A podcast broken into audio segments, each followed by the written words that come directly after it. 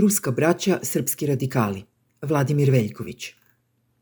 Pošto nije u mogućnosti da još jednom ugosti ruskog cara i samoproglašenog spasitelja sveta od zapadne pošasti, Aleksandar Vučić je u goste primio Turka Daudova, savjetnika čečenskog lidera Ramzana Kadirova, Putinovog Arkana. Daudov je Vučiću, ali i celom srpskom narodu preneo pozdrave iz Čečenije i zahvalio se rukovodstvu i narodu Srbije za podršku koju pružaju Ruskoj federaciji, uprkos tome što je ceo Zapad ustao protiv Rusije. Kadirov je zamolio svog savjetnika da Vučiću prenese izraze ličnog poštovanja i poruku o vekovima bratstva između Rusije i Srbije, koje je još jednom pokazalo svoju snagu.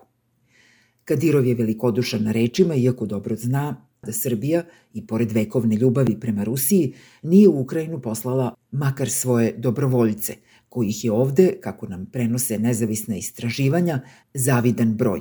Kakva je to onda bratska ljubav? Srpski radikali su zakazali u pomoći Rusiji baš u godini kada je ona objavila da se u Ukrajini bori protiv, kako kaže Dugin, kolektivnog zapada, kao zajedničkog srpsko-ruskog neprijatelja, jer su pogađate radikali pod pritiskom. Ipak i Vučić je jak na rečima.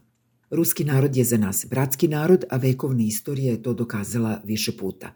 Stoga se rusko-srpski odnosi ne mogu uništiti ni pod kakvim pritiskom, rekao je Vučić Daudovu. Kako će buduća radikalska istorija da sudi o ovim događajima?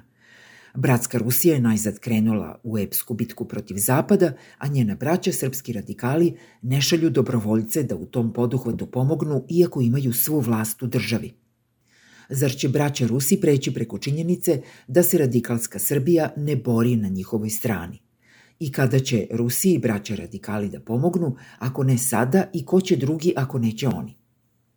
U Jugoslaviji je postojao narativ da je 27. mart 1941. odložio Hitlerov napad na SSSR, a da je kasnije narodno-oslobodilačka borba svojom borbom ometala nacističku ratnu mašinu, vezujući snage koje su mogle biti upotrebljene na istočnom frontu, te da je tako u perspektivi doprinela pobedi SSSR-a.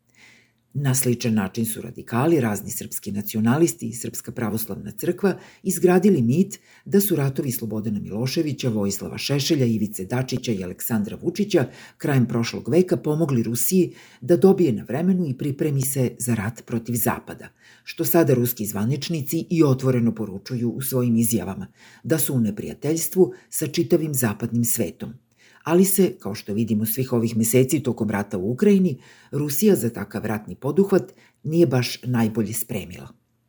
Srpska ratna politika 90-ih nije imala političkih saveznika u svetu, te su njeni ideološki poslenici bili prinuđeni da tragaju za intelektualnim saveznicima. Jedan od njih bio je Igor Šafarević, rođen 23. umro 2017 matematičar, disident za vreme SSR-a i ruski akademik, a kasnije i dopisni član naše Srpske akademije nauka, ali i nekih zapadnih akademija. Zahvaljujući svom publicističkom radu, Šafarević je postao poznat i zapadnoj javnosti. Njegova knjiga Socijalistički fenomen u kojoj kritikuje socijalističku ideju i praksu kroz istoriju objavljena je 80. godine u Americi, dok je kod nas objavljena tek 97.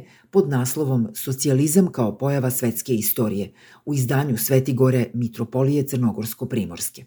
Drugi njegov poznati naslov je Rusofobija – izašla u izdanju Pogleda 93. gde piše o ritualnom ubistvu carske porodice Romanov jula 1918. od strane Boljševika i presudnom jevrejskom uticaju u tom događaju. Svoj antisemitizam Šafarević je potvrdio i u kasnijim knjigama. Nakon raspada SSSR-a, Šafarević je završio na desnoj političkoj i intelektualnoj sceni, tako da je bio pravi sagovornik za srpske medije – pod uredništvom tada jeromonaha Jovana Ćulibrka, sada episkopa Slavonskog, časopis Svetigore 98. objavio i intervju sa Šafarevićem, koji je kao proročki letos ponovo štampan u novoradikalskom nedeljniku Pečat. Šafarević se u ovom razgovoru izjašnjava kao borac protiv globalizma i svetske nadvlade, koji svetu nameću veštačku i tehničku civilizaciju, rušeći sve tradicionalne civilizacije – Stanje u Rusiji je katastrofalno, ali ne zato što je većina stanovništva osiromašila zbog tranzicije, već zato što je antiruski tok izašao iz podzemlja i drži štampu, televiziju i izdavaštvo. A takva javnost nije bila osetljiva na to što je tri godine pre ratnih dejstava u Čečeniji trajao antiruski teror. Šafareviću je 90-ih u Rusiji u stvari smetao medijski pluralizam, gde nije dominirao jedan politički narativ propisan od strane vlasti, kao što je to danas slučaj u vezi sa Ukrajinom. Mada je postavka ista kao i danas. Agresija na Ukrajinu je opravdana zbog navodnog antiruskog terora u toj zemlji. S tim što su vremenom ideje i stavovi sa ruske političke i intelektualne margine postali zvanični stavovi osvajačke ruske državne politike. Rusofobija je sasvim zahvatila Rusiju, kaže dalje akademik, tako da se njena spoljna politika uopšte ne rukovodi ruskim interesima i to se najbolje vidi u odnosu prema Srbiji, koja je ostala jedini istinski pravi saveznik Rusije. Kako je Miloševićeva Srbija 98. od kada datira intervju mogla da bude saveznik Rusije, pa još pravi? Šta je Rusija poslednje decenije 20. veka izgubila, a Srbija stekla – Autoritarna i nacionalistička Miloševićeva, Šešeljeva i Vučićeva Srbija je tada imala siromaštvo, izolaciju, sankcije i izbačena je iz Ujedinjenih nacija. Izgubila je sve ratove u Jugoslaviji i spremala se za još jedan na Kosovu. Zašto je onda Rusiji bilo u interesu da bude saveznik takve propale Srbije? Za razliku od tadašnje Rusije, Srbija imala neprijatelje, a nacija bez smrtnih neprijatelja i nije prava nacija. Tom logikom se vodio Šafarević i tom političkom logikom se vodi i današnja Putinova Rusija, ali i Vučićeva radikalska Srbija. Ugledajući se na Miloševićevu Srbiju, i Rusija danas ima rat, sankcije i izolaciju. Pa kakvi su to onda saveznici i kakva su to onda braća kada jedni druge motivišu i guraju samo u propast i razaranje, kako svojih suseda, tako i sobstvenu.